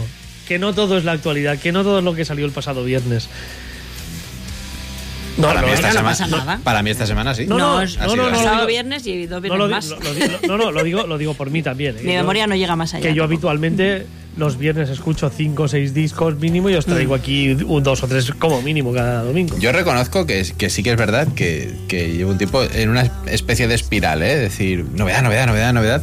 Pienso, Dios mío, hay muchas novedades y muchas novedades, pero es verdad que a veces decir, bueno, pues aunque sea novedad, da igual, no hace falta pincharlo y podemos recuperar cositas así, así que me voy a aplicar el cuento. No, pero también está bien ¿eh? que tengas novedad, novedad, porque así me quitas a mí un trabajo. Pero, pero todo lo que he pinchado hoy ha sido de discos que no me han acabado de gustar, ¿eh? Además, Lo cual me convierte en imbécil, correcto. no, no, simplemente Eh. es diferente. Ya, Ni, ni millón ni picho como aquello, ¿no? Diversidad, sobre todo diversidad. Funcional, sí, sí. La madre. ya estamos todos. Pues nos vamos a ir, si os parece. Venga, Muy bien. Sí, ya está, venga, Sí. y ya está. Venga, semana ya que está. viene, Eurovisión del Metal. Exacto. Día grande. Emplazaros a todos. Si os unís, eh, si entráis en, eh, en las redes del octavo día, poned el octavo día metal en el buscador de Google y ahí lo- el octavo día metal Instagram, el octavo día metal Facebook, el octavo día metal lo que queráis. Ahí tenéis un enlace para, para juntaros con nuestro grupo de, de Telegram. Donde además es mucho más divertido Eurovisión del metal Sin duda. porque se comenta En ahí en directo, directo claro. y, y la verdad es que hace mucho más divertido el programa. Sí que os digo, es cierto que eh, si os unís, que sea el mismo domingo o bien el sábado silenciáis el grupo porque es horrible cuando la Eurovisión del pop Invade. invade ese chat y te pierdes entre comentarios sobre el Eurovisión del pop. Pero como digo, el próximo domingo disfrutaremos muchísimo con uno de los programas que más nos gusta hacer cada temporada. Así que os emplazamos próximo domingo 14 de eh, mayo, Mayo. 9 de la noche, en el octavo día, Eurovisión del Metal. Hasta entonces, os dejamos Inma, Dani y yo mismo, Tony. Estaremos con Shane y Alfonso dándoos eh, todo durante tres horas en Eurovisión del Metal. El próximo 14 de mayo. Hasta entonces. Hasta la semana que viene. Adiós. Chao.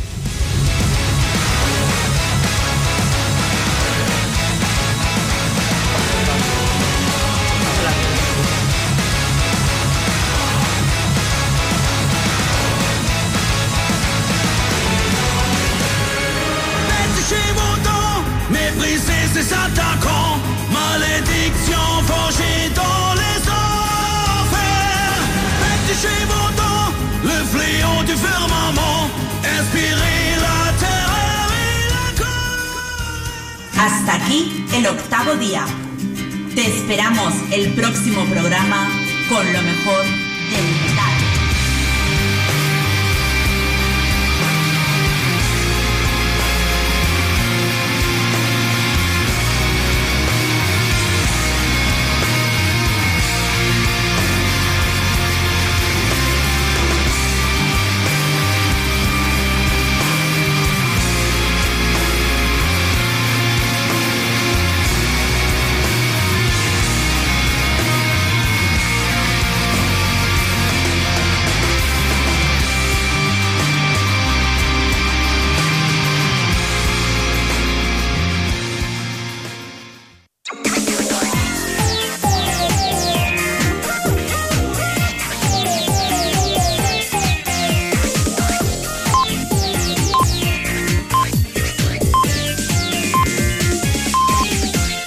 les 12.